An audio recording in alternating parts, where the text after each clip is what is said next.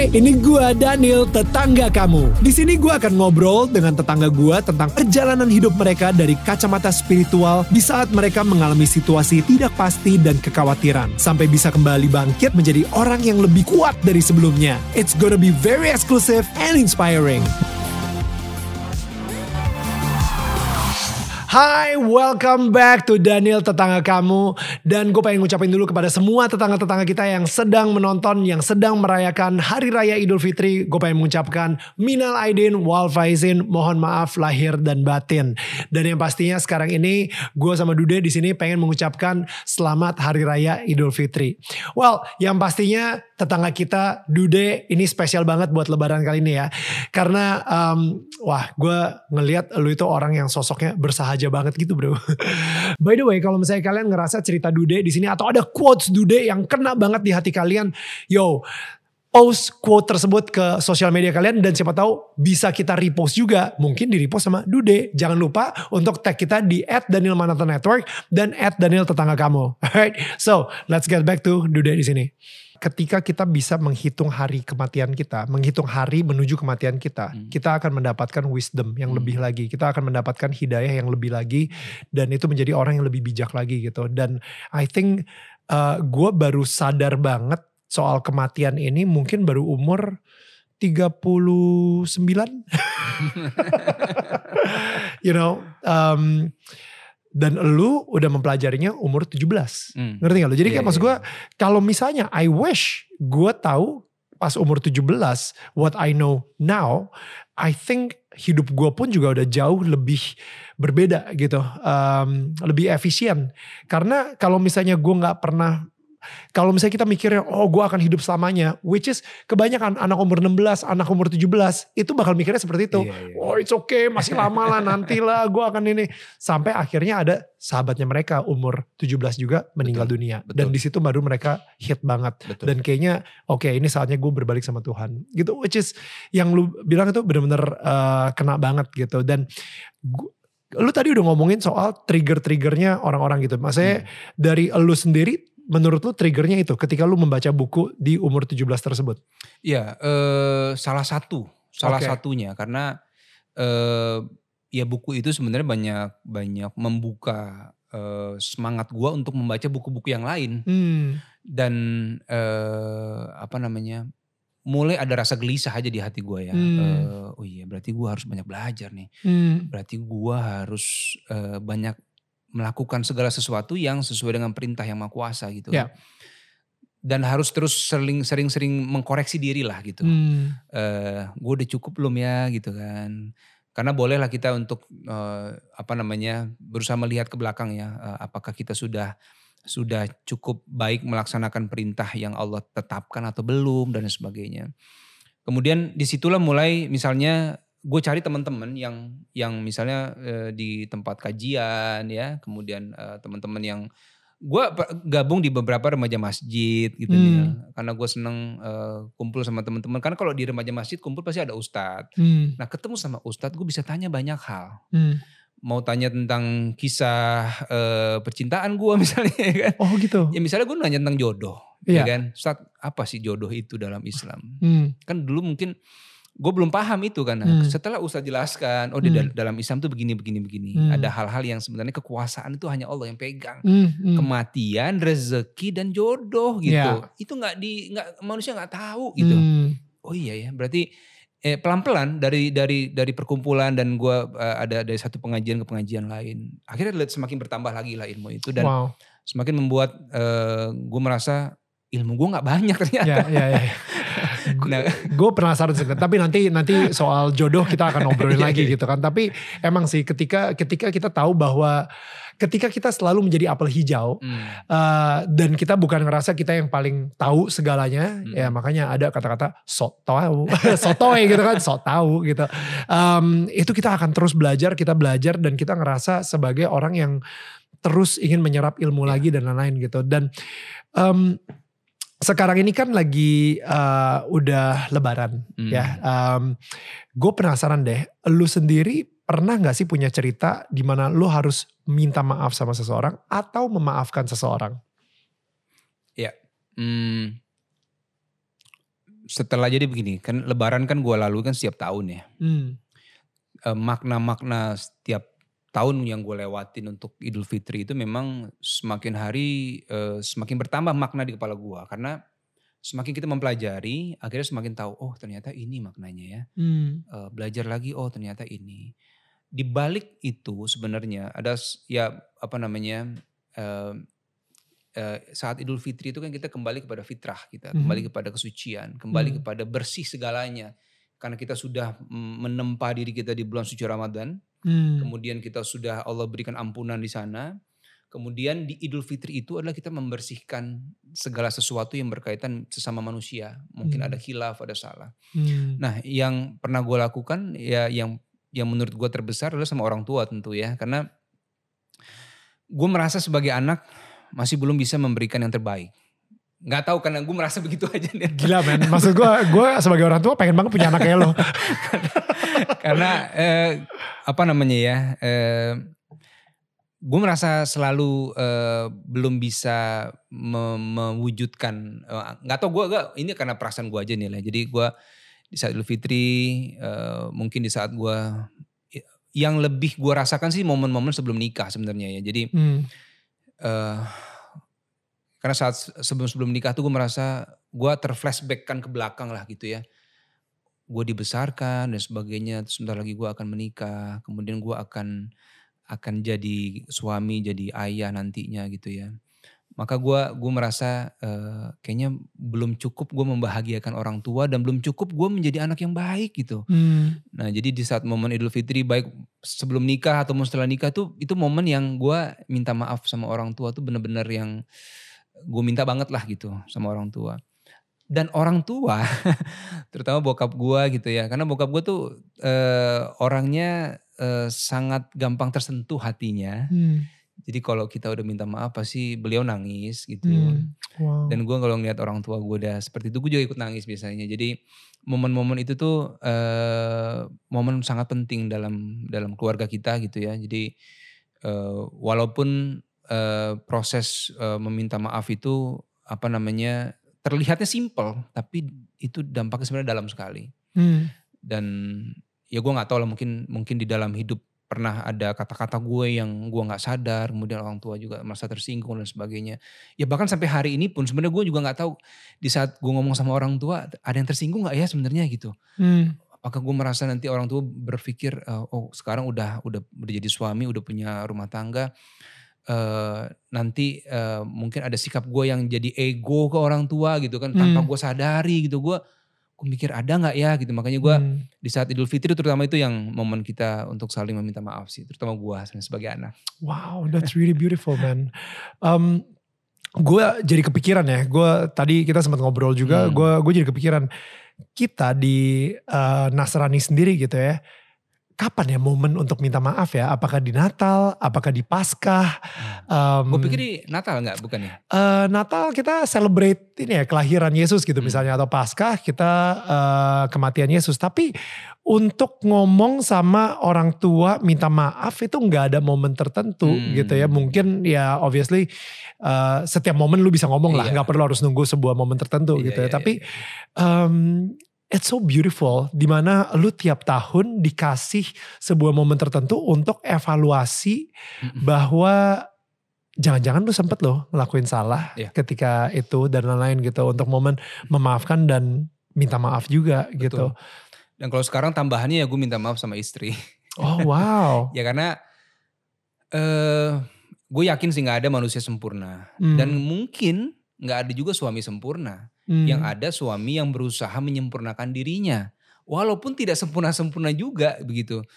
Ya mungkin suami istri nggak ada yang saling sempurna satu sama lain, totally seperti apa eh, seideal mungkin 100% gue yakin sih agak berat sepertinya kalau Hmm. menuju kesempurnaan. Karena kita manusia pasti nggak lepas dari dari kesalahan dan dan kekurangan. Jadi setelah gue menikah dan sebagainya ya istri salah satu yang gue juga eh, gue rasa harus gue mintain maaf Hmm. karena gue sebagai kepala rumah tangga, eh, gue juga nggak boleh merasa gue selalu benar Hmm. karena ada ada saatnya juga gue sebagai imam di keluarga kalau ada yang keliru makmum di belakang boleh mengingatkan Hmm. kalau sholat Wow. misalnya imam bacaannya lupa atau salah Hmm. salah ayat dan sebagainya oh makmum boleh mengingatkan gitu kan Wow. Begitu juga filosofi sebagai uh, suami istri gue sebagai imam ketika gue ada melakukan mungkin yang kurang berkenan di hati istri ya istri boleh mengingatkan gue gitu kan Ya.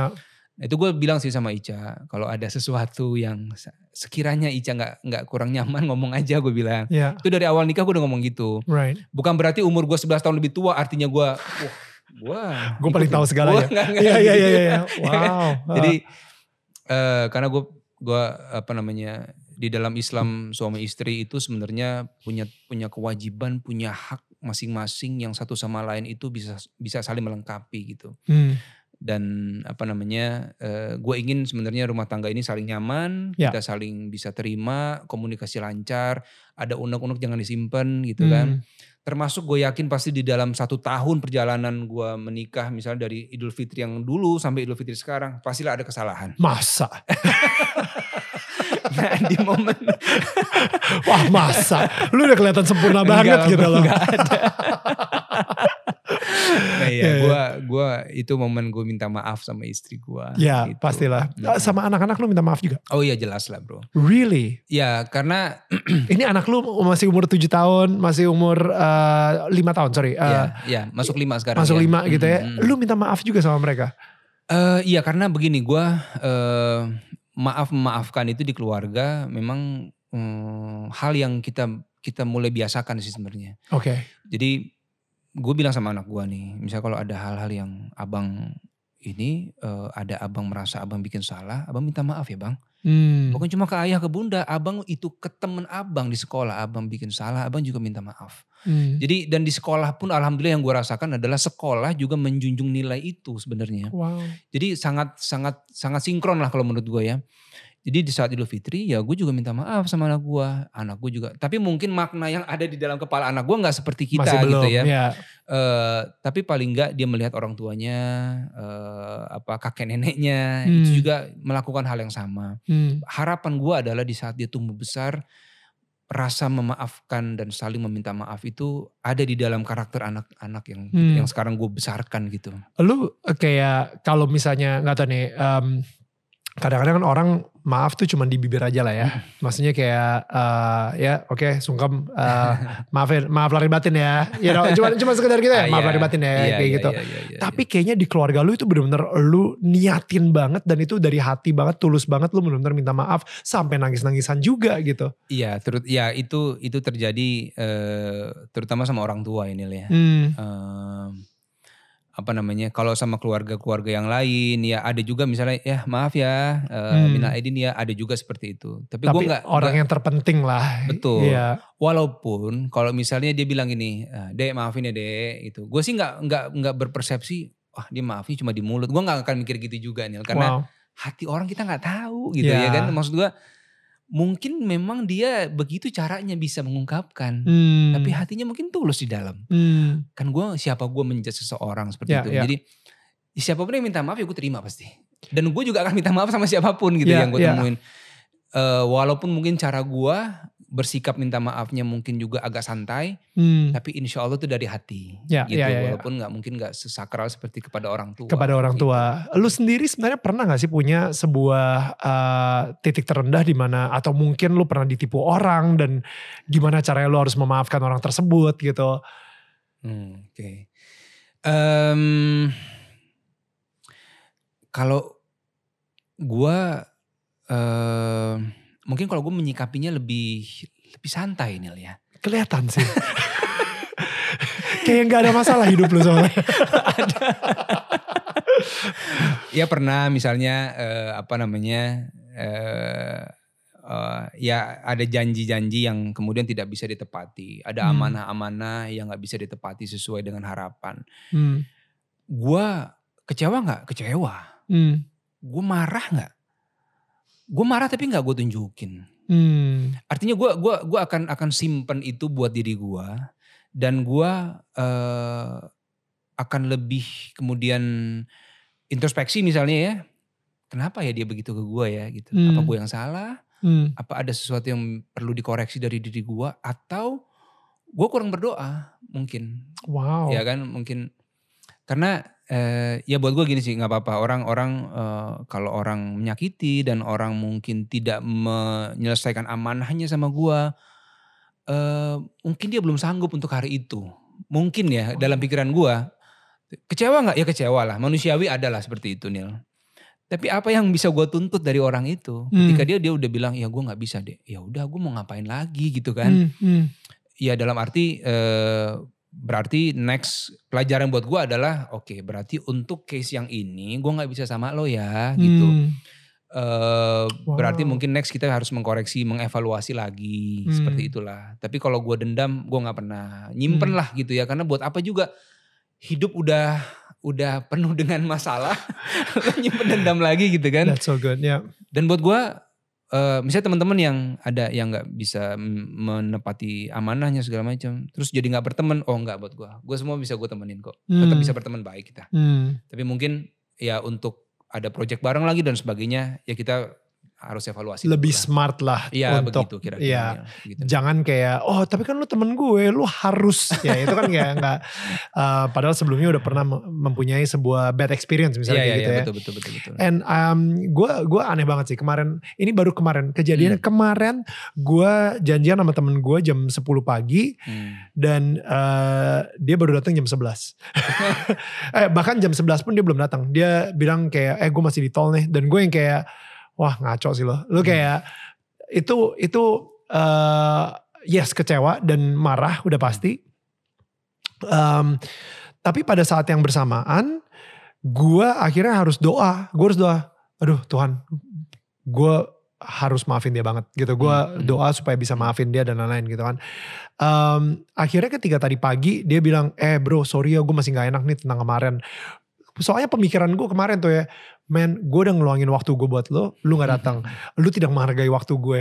Lu bla bla bla. Gue sama waktu itu lumayan kayak intens lah Iya, gitu. iya, iya, iya. gue suka frustasi gue kalau misalnya telat dikit gitu guanya yang frustasi Iya, gitu. iya, misalnya gue sampai misalnya gue telat dua menit aja ke eh, ke sebuah acara gitu gue bilang sama temen gue eh sorry nih gue bakal telat dua menit. You know sampai segitunya karena gue benar-benar pengen tepat waktu banget. Iya, iya, iya. Nah, jadi ketika seseorang itu tidak menghargai waktu gue, itu gue marahnya lumayan intens. Sampai akhirnya eh, tadi pagi ketika dia nelfon gue, sorry banget ya, em, itu gue udah yang kayak, eh enggak sih, gue udah nyantai sih, gue gue udah maafin dia sih, maksudnya nggak nggak terlalu ini. Dan ternyata emang apa ya eh, mungkin masalahnya bukan sepenuhnya di dia Hmm. masalahnya di guanya aja yang lebay ngurusin waktu sedetail itu gitu seberapa detik itu gitu misalnya so uh, ya balik lagi ke yang apa yang lu bilang gitu kayaknya kita sebagai manusia pun juga harus menyadari bahwa kita sendiri juga belum sempurna juga dan Betul. kemungkinan besar yang harus dirubah adalah diri kita juga gitu bukan kita berusaha ngerubah orang lain gitu Setuju. I love it that um, sekarang nih uh, gua gua ngerasa ya Hmm. bahwa eh lu tadi udah mulai hinting-hinting soal jodoh gitu kan. Lu udah nanya-nanya ke ustadz lu soal jodoh gitu. Dan kalian itu menurut gue lu sama Ica itu adalah hashtag couple goals gitu Wah, kan. Ya gak sih? Buat orang-orang muslim kebanyakan kalian adalah pasangan yang mereka impikan gitu. So um, kita ngomongin pas lu masih single dulu. Hmm. Ketika lu lagi Hmm. nanya sama ustadz soal jodoh. Hmm. Jawaban ustadznya apa sih kalau saya boleh tahu? Bagaimana sih jodoh di mata Islam gitu? Buat yang lagi single by the way ya, tolong dengerin ini nih ya kan? Ya baik, pertama itu eh, menikah itu dalam Islam tuh satu ibadah. Mhm. Ikatan pernikahan itu sangat sakral. Itu disaksikan Allah, disaksikan para malaikat. Hmm. Ikatan ijab kabul itu pemindahan hak dari ayah ke suami Hmm. itu. Jadi itu momen yang sangat sakral dan eh, kehidupan pernikahan di dalam Islam itu guidance juga panjang. Hmm. gitu ya. Hmm. Dan jadi eh, bagaimana Islam menyikapi pernikahan sangat mulia sekali. Hmm. Di balik pernikahan itu banyak nilai-nilai kebaikan, banyak keutamaan, banyak eh, apa kenikmatan, keberkahan yang Allah berikan. Dan juga di seiring berjalan waktu banyak cobaan dan ujian juga yang akan Hmm. terjadi gitu. Jadi eh, apa namanya buat yang masih ragu-ragu mungkin. Karena sekarang ini kan kayaknya dunia udah tidak terlalu mementingkan nikah lagi. Udahlah tinggal bareng aja. ya kan maksudnya kayak apalagi di luar gitu di bule. Iya, Udah iya, gaya kita bule aja Iya, nih iya, gitu iya. misalnya atau enggak kayak orang luar negeri. Udah tinggal bareng eh, toh it- nikah itu cuma surat. Ngerti gak lo? Jadi kayak itu cuma sertifikat aja kayak gitu. Iya. Betul. So what um, kenapa kenapa Tuhan itu um, merasa pernikahan itu adalah sebuah ibadah? Kenapa Tuhan itu memberkati sebuah pernikahan gitu? Baik, jadi eh, manusia itu kan ditakdirkan berpasang-pasangan. Ya, Hmm. jadi eh apa namanya eh, di dalam kehidupan eh, pernikahan itu satu tingkatan yang yang yang sangat mulia, yang yang karena hasil dari pernikahan itu ada keturunan. Hmm. Hasil pernikahan itu ada kelanjutan dari kehidupan lagi. Hmm. Jadi, Hmm. Eh, keberlangsungan manusia di muka bumi salah satunya dari pernikahan. dari pernikahan betul, betul. Nah, karena sebagai muslim, maka guidance yang gua pegang itu ya dari sisi agama. Hmm. Eh, Islam tidak pernah mentolerir misalnya sa- hal-hal yang berkaitan dengan perzinahan. Hmm. Ya kalau kita bicara hukum-hukum Islam ya. Right. Jadi eh, kemuliaan, kemudahan dalam menikah, kemudian eh, dalam pernikahan Islam itu tidak tidak memberatkan kok. Misalnya contoh, kita bicara mahar Hmm. ya, mas kawin dan Hmm. sebagainya. Itu tidak sesuatu yang memberatkan, harusnya seperti itu. Hmm. Bahkan dari sisi perempuan pun sebaiknya memang eh, memberikan mahar, gue dengar dari ustadz ya, memberikan mahar yang tidak memberatkan calon suami.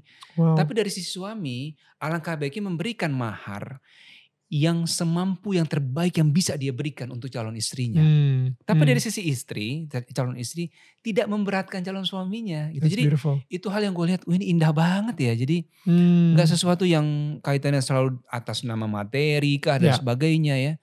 Kemudian apa di dalam Islam? Ketika pernikahan itu ada ada hak dan kewajiban lagi Ya. yang harus dijalankan, ada peran baru yang dijalankan dan di balik itu ada keindahan lagi sebenarnya. Dan apa namanya? eh ya kalau kalau kalau dari dari sudut pandang gua, setelah gua menikah, setelah gue punya anak, rasa syukur gue lebih besar. Hmm. Gua sudah menikah Oh wow. gue sudah karena jujur nih gue tipe orang yang nggak bisa sendirian Hmm. dari dulu gue sebenarnya nggak nggak nggak bisa sendiri gitu gue kadang kalau sendiri suka bingung Hmm. gue nyari temen aja kerjaan gue bro di mana gue susul ya gitu gue selalu wow. selalu pengen ada orang di samping gue Hmm. sejak gue punya istri gue punya anak itu gue gue bahagia banget deh. dan gue merasa Hmm. eh, alhamdulillah eh, Allah memberikan gue jodoh memberikan gue anak memberikan gue sebuah pernikahan yang walaupun nggak sempurna, tapi gue berusaha menyempurnakan itu selalu. Dan gue Hmm. berusaha belajar sama-sama dengan istri dan anak-anak gue gimana jadi keluarga yang baik lah gitu. Hmm. Hmm. Kira-kira gitu. Lu eh, tapi kayaknya nikahnya kan cukup telat ya. Eh, umur Iya, iya. 33 tadi kan, Iya, ya iya, kan iya, dan betul. bedanya 11 tahun juga sama Ica gitu. Betul. Nah, em, proses lu sendiri akhirnya menemukan jodoh gitu ya. Itu seperti apa, Bro? Kayak em, men maksudnya lu salah satu bintang sinetron yang paling hits banget kayak gua rasa banyak kali ibu-ibu yang nyodorin lu anaknya. you, know, you know I mean? Like, like bener-bener kayak udah lu sebenarnya bisa milih siapa aja, lu tinggal merem gitu kayak lu, ya pasti ada yang mau lah kayak gitu kan. Tapi kenapa harus nunggu sampai 33 tahun gitu? Iya, iya. Di mana lu ngerasa pernikahan itu penting dan lu gak bisa hidup sendirian. Oke, eh, telatnya menikah itu dari kacamata manusia. Hmm. Kita melihatnya mungkin telat. Tapi mungkin dari kacamata yang maha kuasa itu nggak telat. Itu waktu yang tepat buat dia sebenarnya, ya kan? Kita nggak pernah tahu eh, Allah memberikan seseorang itu di waktu kapan. Tugas manusia itu berikhtiar, berusaha, berjuang, berhasilnya kapan? Kita nggak tahu. Hmm. Udah berdoa, kita udah melakukan semaksimal mungkin. Kok hasilnya belum ada? Ya berarti Allah belum kasih di waktu itu So good. oh, lo telat deh nikah. Iya telat menurut Menurut orang. mata manusia. Iya. ya, Tapi menurut Allah, Allah kasih orang yang tepat buat gua di waktu itu. ya. Jadi begini Nil, gua uh, gue flashback sedikit ya. Gue punya rasa mau menikah umur 27.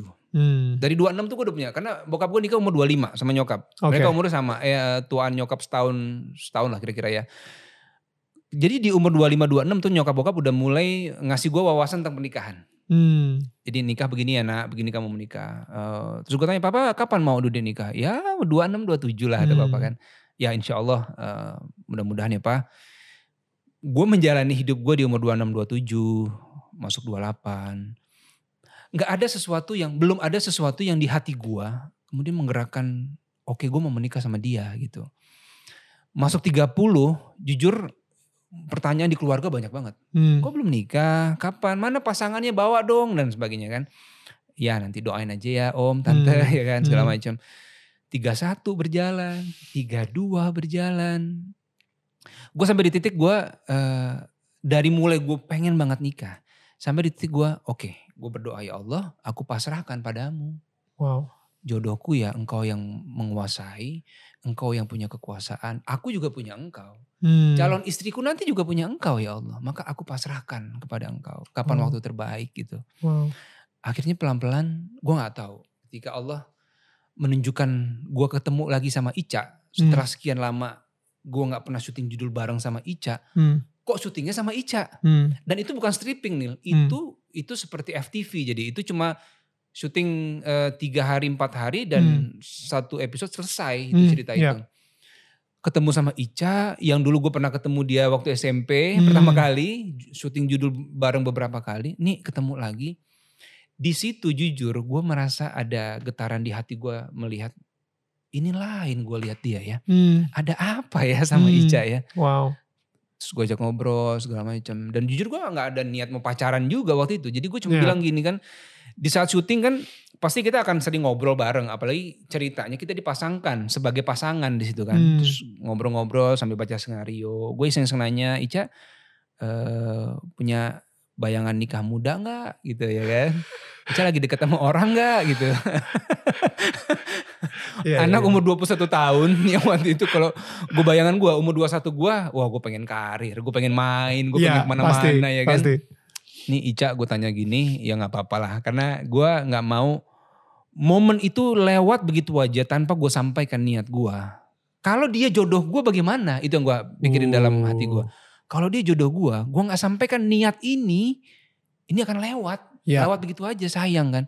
Mungkin di sini Allah memberikan jalan buat gue. Hmm. Makanya gue memberanikan diri ngomong sama Ica. Ica, uh, Ica punya pikiran nikah muda nggak? Kenapa kak? Ya kalau kakak sih uh, punya niat kalau Ica berkenan kakak ingin uh, mengutarakan sesuatu gue bilang ngomongnya agak gue atur mengutarakan sesuatu apa gue dalam hati sih kayak ini om om kenapa ya Oke. ya, uh, ya gue bilang sih. Uh, Akhirnya lu bilang bahwa lu pengen bilang, nikahin dia gue gitu. pengen nikah. Kakak mau nikah. Sama Ica gue bilang gitu. Gue sih lihat re respon pertama dia mungkin agak kaget ya. Dan uh. itu wajar gitu ya. itu wajar. oh iya kak ya. Iya gue bilang. um, tapi gue bilang gini Ica uh, kakak gak mau pacaran. Kakak gak mau main-main. Uh, ini ini dari lubuk hati gue bilang. Dari hmm. lubuk hati kakak meminta. Kalau Ica mau menerima. Tapi kakak mau serius langsung. Hmm mau serius dan kalau Ica menerima, kakak mau langsung ngomong sama ayahnya Ica. Oh. Karena uh, kakak mau restu itu juga datang dari orang tua. Ya. Terus gue bilang gini, Ica gak harus jawab sekarang, Ica, Ica boleh, boleh mikir deh. sleep, sleep on it, sleep on it. Jangan lama-lama, tapi you know ya. tapi gue bilang sama Ica gini, gue gue gue, gue pesan Ica selama proses berpikir juga diiringi dengan doa ya, karena uh, jawabannya ini harus juga berdasarkan doanya Ica. Wow. Ada sholat istiqoroh ya gitu. Karena gue bilang di dalam Islam kan semuanya harus lewat petunjuk, semuanya harus melalui keyakinan hmm. yang kita niatkan karena Allah gitu. Ini bukan karena kita saling cinta, gitu. kita menikah atas nama cinta di antara kita aja enggak. Cinta kita harus dikaitkan kepada yang Maha Kuasa wow. gitu. Jadi ya. gue bilang sholat istiqoroh itu apa? Istiqoroh itu jadi kita meminta petunjuk sama Allah. Apakah pilihan ini tepat atau Hmm. tidak. Itu Hmm. eh, apa namanya. guidance ya, Iya, guidance, betul. wisdom. Itu ya. nanti akan ada seperti gerakan di hati kita lah gitu ya. Hmm. Kita mau nggak sama dia dan sebagainya. Jadi Hmm. dasarnya tolong itu. Kalau jadi gue bilang Wow. sama Ica, dasarnya tolong dengan berdoa, dengan Ica bersolat, meyakinkan diri. Karena jawaban Ica itu menentukan dari hari itu ke masa depan. Gue bilang. Ya, ya. Karena kan bukan main-main. Ya. Kalau bicara pacaran setahun, dua tahun, enam Ya. bulan selesai kan. Ya. Ini kakak akan keputusan yang kita ambil ini keputusan Seumur seumur hidup. Bro, bro, lu ngasih deadline gak? Atau Enggak. lu gak ngasih deadline? Oke, a- uh, si Ica sendiri akhirnya uh, jawabnya berapa berapa lama? Kurang lebih eh, hampir dua minggu lah kira-kira. Hampir dua ya. minggu. Berarti Hampir tadi lu dua bilang FTV lu paling cuma 3-4 hari gitu Betul. ya. Jadi uh, lu nanyanya hari keempat atau hari pertama FTV? Bentar deh. Enggak jadi gini, setelah selesai FTV itu kita dapat stripping bareng lagi. Oke. Dapat beberapa judul lagi sebelum kita nikah. Jadi sebenarnya sambil persiapan nikah kita sambil syuting sinetron. Oh wow. Ya begitu. Jadi Uh, lu nanya dia itu di FTV apa di stripping? Eh, di stripping. Di stripping. Di stripping. Dan em, jadi semasa stripping itu lu masih syuting dong sambil nunggu jawaban dia gitu kan. Betul. Jadi maksudnya kayak masih tentang pertanyaan yang kemarin eh, Iya jadi eh, belum dijawab nih. Kayak eh, awkward banget gak sih? Abis itu eh, dan abis itu lu sendiri doanya sama Tuhan, Tuhan, eh, lu yang milikin hatinya Ica, ya suruh dia bilang iya dong. Eh, iya memang memang sambil syuting itu tapi kita tetap tetap deket ya maksudnya tetap ngobrol bareng makan sama-sama karena kan satu lokasi bareng-bareng kan. Hmm. Eh, ya gua gua Dia ditemenin sama nyokapnya terus kan? tetap sama nyokapnya. Berarti nyokapnya sendiri juga tahu dong kayak, hmm, Sepertinya tahu, sepertinya tahu ya. Karena gue sama nyokap Ica itu udah deket juga dari Ica masih kecil. dari pas SMP. Karena waktu iya. syuting bareng dulu kan. Iya, iya, iya. iya. Jadi waktu syuting itu ya gue eh, secara pribadi gue siap juga kalau Ica nolak sebenarnya. Ya kalau nolak ya kita jadi teman biasa. Itu juga aman kan bisa jadi teman syuting segala macam kan. Iya. Eh, makanya kapan pun Ica siap ya Ica ngomong gitu. Nah Hmm. sampai di waktu yang dia bilang kak ya udah Ica mau ngomong sebentar nih apa? Eh, bentar, abis itu Eh, tereng, tereng, tereng, tereng. Zoom nggak? Iya, iya. Setelah yang satu ini kak. Idol banget ya. Iya. Suka ya bikin deg-degan kakak ya gitu kan. Oke. Oke jadi eh oh jawaban apa nih ya Yoi, kan? yoi. Oke tapi gue udah gue udah dari gue menyampaikan itu ke Ica di awal gue udah udah udah menyiapkan hati gue kalau memang dia nggak terima gitu. Ya. Nah tapi akhirnya dia bilang Ica mau kak. Bismillah Gila. serius Ica iya. Wah itu gue kayak merasa semua doa-doa dan lain sebagainya itu kayak Allah jawab di situ tuh. Wow. Terus gue bilang ya udah Ica ini yakin ya Ica ya yakin kak Insya Allah nih yakin. Ica udah Oh. udah sholat udah udah doa udah. Ya udah kalau gitu kapan ketemu sama ayahnya Ica? Hmm. Nanti Ica ngomong sama uh, Dedi kan manggilnya Dedi ya. Ntar Ica atur waktu ya boleh. Singkat cerita ketemu sama ayahnya. Hmm. Seperti Ica udah ngomong sama ayahnya gitu. Dan jadi begitu gua ngomong sama ayahnya gue cuma minta om. Saya minta restu karena ini sekaligus minta izin gue bilang. Ya. Saya udah menyampaikan niat saya sama Ica. Kalau om izinkan saya akan melanjutkan Wow. gitu. Terus tapi ya alhamdulillah karena gue juga udah pernah kenal juga sama dedinya Ica. Hmm. Jadi se- ya waktu itu Dedi bilang ya udah kalau anak saya sudah berkenan katanya. Karena Ica ditanyakan gimana Ica? Bismillah dia. ya udah tuh kamu dengar jawabannya. Pakai troll banget. Pokoknya kalian atur. Cuma Dedi Right. pesannya begini. Dedi pesan Dedi mau ketemu sama orang tua kamu. Oke, Nah di situ wow. gua udah ngomong sama keluarga gua. Kapan kita ketemu. Jadi sesingkat itu Nil. Right, right. Singkat dan gue udah sambil syuting gue hubungin almarhumah Terina Gunawan. Hmm. Kita cari gedung. Hmm. sambil syuting kita bikin baju segala Wow. macam. Jadi Wow. alhamdulillah di situlah gue berpikir bahwa buat Allah tuh nggak ada kata telat, yang ada tepat sebenarnya. So. Buat manusia ya mungkin kita ber- berpikir ya, kok gue sampai sekarang masih begini ya, kok gue belum begini, kok kok koknya panjang gitu. Hmm. Tapi Allah tahu mana yang terbaik buat kita sebenarnya di waktu yang tepat. So good. Kira-kira seperti itu. That's so good. Bro, itu artinya lu yang dibilang ta'aruf gitu ya sama Ica sebenarnya gitu ya um, saat itu. Di mana ini konsep yang menarik sih menurut gue. Di mana uh, di, di dunia yang modern ini kayaknya konsep ta'aruf ini sebenarnya juga cukup kurang populer lah kayak gitu. Karena orang kebanyakan pengennya pacaran dulu um, apa pengen tahu dulu orangnya gimana build chemistry dulu baru kayaknya kalau misalnya cocok baru nikah. Nah lu sebenarnya kan pernah pacaran sebelumnya. Gue pengen tahu deh ketika lo ta'aruf dan juga pacaran apa bedanya? Dan apakah kalau misalnya lu tahu soal ta'aruf ini um, Mungkin ini berlaku buat Dude yang mempunyai hubungan yang sangat intim banget dengan Allah. Ketika ngelihat Ica, mungkin ada gerakan hati bilang, tanya sama dia. Mm -mm. Ya kan? Tanya tanya Ica. Kayak gitu. Um, tapi mungkin ketika ngelihat um, wanita lain gitu ya, mungkin belum ada kan gerakan ke situ gitu. Belum ada kayak uh, dari dalam hatinya Dude bilang, coba tanya untuk diajakin langsung nikah. Mm-hmm. Berarti mm-hmm. itu itu kan emang membutuhkan kedekatan keintiman banget sama Allah sehingga tahu mana yang paling tepat dan mana yang emang uh, dikirim oleh Allah untuk jodohnya Dude kayak gitu. Mm-hmm. So um, yang pertama mungkin pertanyaannya adalah gimana men perbedaan antara langsung taruh dan ada pacarnya dulu gitu misalnya.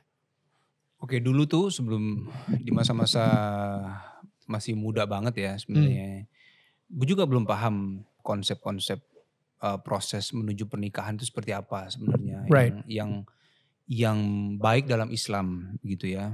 Uh, ya makanya jadi apa yang gue dapatkan itu sebenarnya bertahap dari waktu ke waktu hmm. belajar lagi oh begini ternyata oh berarti gue dulu pernah melakukan hal yang salah menurut hmm. gue oh ternyata dalam Islam uh, proses perkenalan sebelum nikah boleh nggak? Ya boleh. Lo hmm. harus kenal siapa yang lo nikahin. Hmm. Artinya eh, bukan berarti lo nggak kenal siapa yang lo nikahin tiba-tiba langsung ijab kabul ya enggak. Makanya ada proses perkenalan, hmm. tapi hmm. semuanya ada batasan. Semua tidak melampaui batasan-batasan itu gitu ya dari sisi pergaulan dan sebagainya. Oh berarti gue mikir, oh berarti gue dulu juga salah gitu. Hmm. Jadi ini semua sering berjalan waktu Nil. Akhirnya eh, gue sangat apa namanya ya gue ingin memang segala hal yang gue ambil keputusan dalam hidup gue itu uh, jalurnya benar walaupun belum sempurna yang gue bisa yeah. menjalankan itu semua nah makanya begitu gue menawarkan ke Ica tadi hmm. itu itu sebenarnya adalah karena gue nggak mau pacaran hmm. karena tapi kalau Ica mau mengenal gue lebih dalam ya boleh gitu hmm. karena kan selama syuting kan sama nyokapnya juga yeah. kita ngobrol bareng-bareng dan sebagainya sambil kerja bareng gitu kan dan praktis waktu kita banyak di lokasi sebenarnya hmm, yeah bahkan sampai uh, kita persiapan gedung segala macam itu di antara waktu break kita sebenarnya gitu kan. Hmm.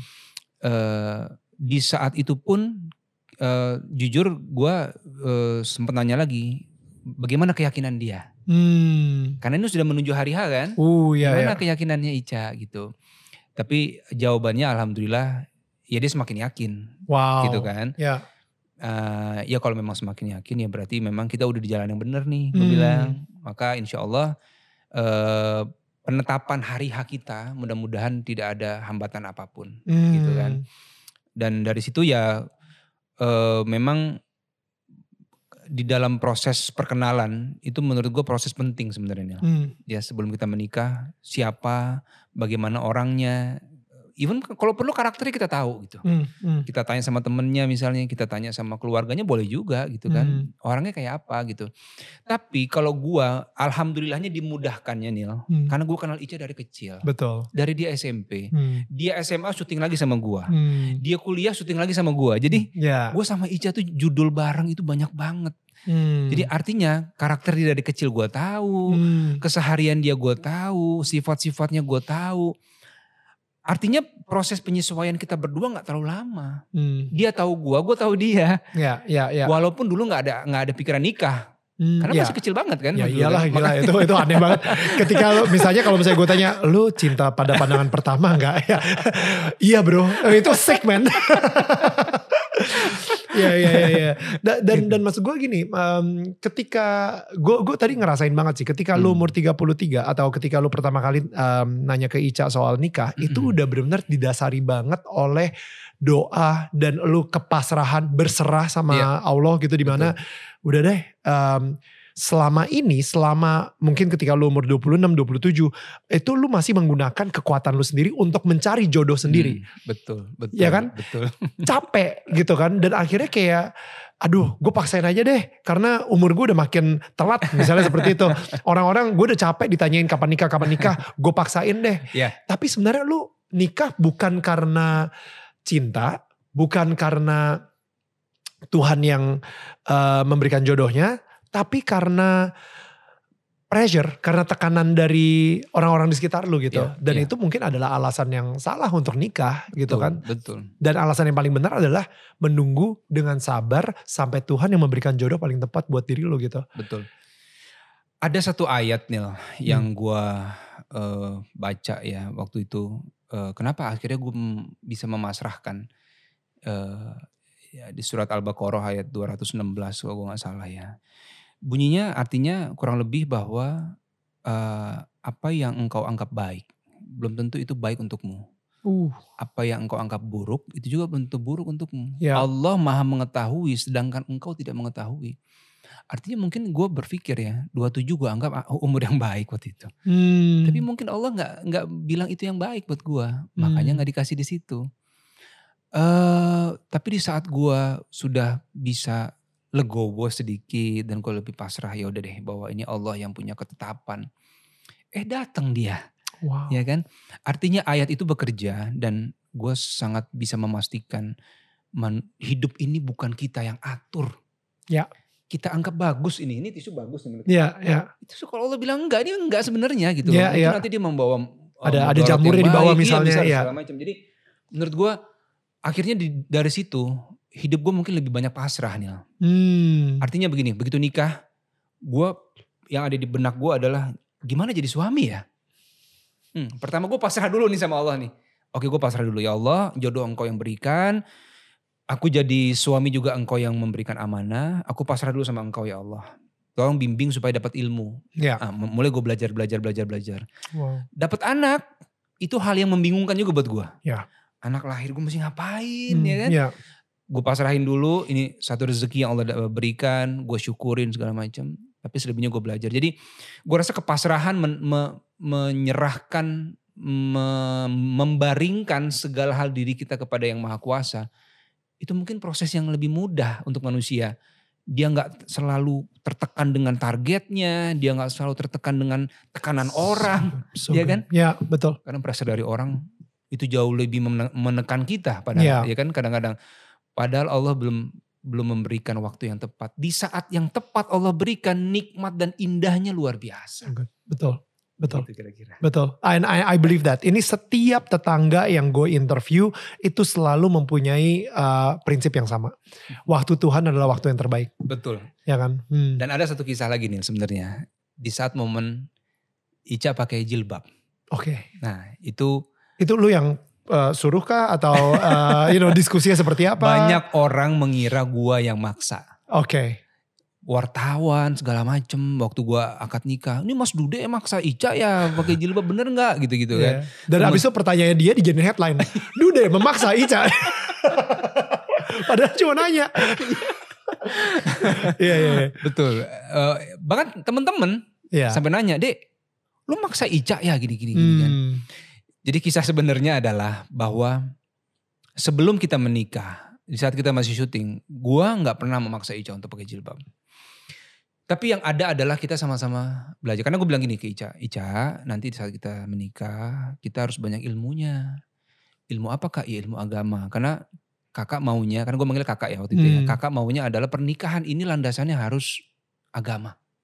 Bukan apa mau gua, apa apa mau lo gitu. Bukan gue maunya begini, lo nya begitu. Tapi Tuhan maunya gimana? Buat beautiful. rumah tangga kita. Hmm. Dia baca buku, gue baca buku. Dan Hmm. beberapa pengajian yang kita bikin sama-sama teman-teman. Hmm. Ica juga gue undang. Hmm. Bareng tuh datang. Nah sebelum kita pernikahan mungkin ada 3-4 kali ada sesi eh, kajian bareng. Dan ada juga teman-teman yang udah pakai jilbab waktu itu. Mungkin di situ Ica mulai banyak bertanya, dia belajar Hmm. atau dia mungkin browsing sendiri segala macam. Gua nggak tahu prosesnya bagaimana. Ya. Sampai di saat kita udah bikin baju pernikahan, Hmm. beberapa hari sebelum menikah Ica telepon lah. Kak maaf nih Ica mau ngomong apa. Eh nanti saat akad nikah Ica mau pakai kerudung, mau pakai jilbab. Wah. Ini baju nikah kita udah jadi loh. Tapi Wow. gua respon gua adalah ini bagian dari hadiah yang Allah berikan di pernikahan gua yang umur 33. Ya. Ini rezeki dan keajaiban buat gua. Kalau ingat itu sampai hari ini gua masih merinding. Maksud gua begini Allah memberikan men, me- apa ya mentreatment hambanya ya Ya. memberikan hambanya mungkin dari kepasrahan mungkin dari kesabaran menunggu Ya. mungkin dari terus berdoa dan sebagainya tapi Allah berikan itu di luar bayangan kita jauh dan saat itu gue cuma bilang gini Ica ini sepenuhnya Allah yang gerakan maka eh, harus tetap ya hatinya maksudnya istiqomah di dalam Hmm. di dalam ketetapan hatinya Ica Hmm. kita berdoa sama-sama kemudian langsung secepat mungkin rubah konsep baju pernikahan Iya, gue wow. datang langsung Mas eh, Ferry Sunarto kan yang Oh. mendesain kan Mas eh, maaf ya Mas kita berubah konsep konsep apa berubahnya ya kan kenapa kurang ini ya kurang eh, Kurang ya payetnya gitu. Enggak, Mas. jadinya jadi baju muslim Hah? kenapa Ica pakai kerudung Wah, Masya Allah ya kan jadi Wow. kejutan buat semua orang Iya, iya, buat. Teh Rina kejutan desainer Wow. kejutan Eh, Khususnya itu- desainer sih. wow. itulah Nil yang gue rasa eh, apa namanya Allah memberikan segala sesuatu indah pada waktunya dan Wow. lebih indah dari apa yang kita bayangkan. Jadi kita jangan pernah mengukur keindahan itu dari kacamata kita. Indahnya itu Allah berikan ke kita sebenarnya. Hmm. Dan jangan kasih waktu, jangan jangan pernah memberikan tenggat waktu sama yang maha kuasa. Karena Allah tahu mana yang terbaik. Ya, ya. Jadi proses eh, pada saat hari H pernikahan, eh, gua nggak duduk di samping Ica. Mhm. Jadi samping gua kosong, gua hanya berhadapan sama wali, ya, Hmm. which is orang tuanya Ica, ayahnya Ica kan.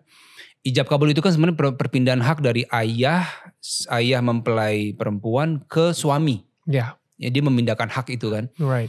Jadi pada saat eh, ijab kabul, saya terima nikahnya dan kawinnya dan seterusnya sampai selesai. Eh, saksi dan penghulu bilang sah. Baru di situ gue lihat pertama kalinya Ica pakai jilbab, dia keluar dari pintu diiringin sama orang tuanya dan gue langsung nangisnya. Wow. Gue nangis, gue gua nggak menyangka.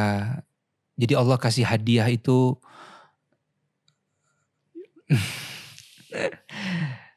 apa namanya segitu indah, Hmm. masya Allah ya di hidup.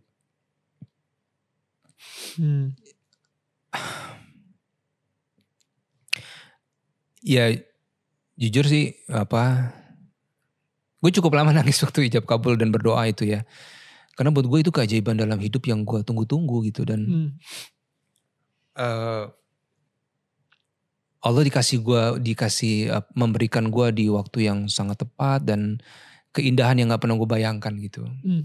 Eh, akhirnya gue menikah gitu dan sama orang yang nggak pernah gue bayangin dan Hmm. kok dia tiba-tiba mau pakai jilbab gitu ya dan Wow. mau ajak dia ajak ibadah sama-sama gitu dan dari hari itu sih gue bilang sama Ica eh, apa ya kita jalanin hidup ini ya sama-sama kita jaga rumah tangga kita mudah-mudahan Allah jaga kita sampai eh, akhir hayat kita siapa yang nanti yang meninggal duluan kita nggak tahu gitu ya Hmm. Ya gitu sih Dan sampai hari ini dia terus pakai hijab. sampai ya? hari ini alhamdulillah Sampai hari Insya ini. Allah Jadi mulai dari gila.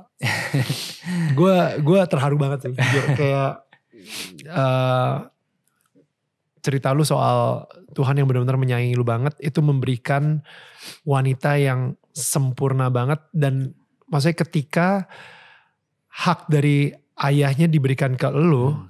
itu benar-benar jauh lebih indah daripada yang lu bisa bayangin.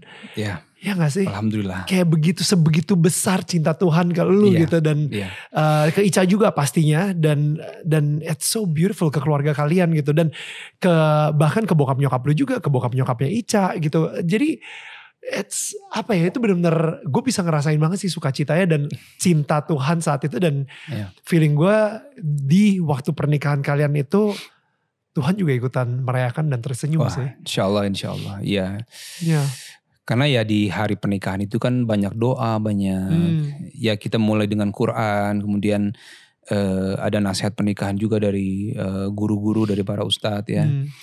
eh ya gua gua di situ sih merasa bahwa hidup ini bukan gua yang yang punya gitu. Hmm. Gua nggak bisa atur hidup gua sebenarnya, tapi hidup gua diatur. Hmm. Ada yang mengatur gitu. Sampai hari ini ya itu yang gua rasain gitu Nil. Makanya kadang kalau gue menemukan segala sesuatu gue mentok nih, wah kok gue nggak bisa ini ya, kok gue ke sini nggak bisa, ini gue nggak bisa. Gue selalu berpikir positifnya adalah, oh mungkin Allah belum kasih jalan gue di situ. Hmm. Mungkin nanti ada waktu yang lebih indah di kemudian hari buat gue di tempat yang lain dengan kondisi yang berbeda mungkin gitu ya. Jadi buat gue eh, kita akan kita tunggu aja skenario nya Allah seperti apa. Ya. Tapi tugas kita adalah terus berdoa, dekatkan diri sama yang maha kuasa, usaha semaksimal mungkin, hasil serahkan kepada yang maha kuasa. Betul, Gitu. betul. Itu gue percaya banget itu juga karena itu sesuatu yang nggak bisa kita kontrol. Ya. Ya udah itu serahkan kita pasrahkan sama Tuhan gitu dan Ya. lu memasrahkan jodoh lu Mm-mm. ke Tuhan sehingga Tuhan memberikan yang jauh lebih baik daripada yang lu bayangkan. Alhamdulillah, Right. alhamdulillah, betul sekali.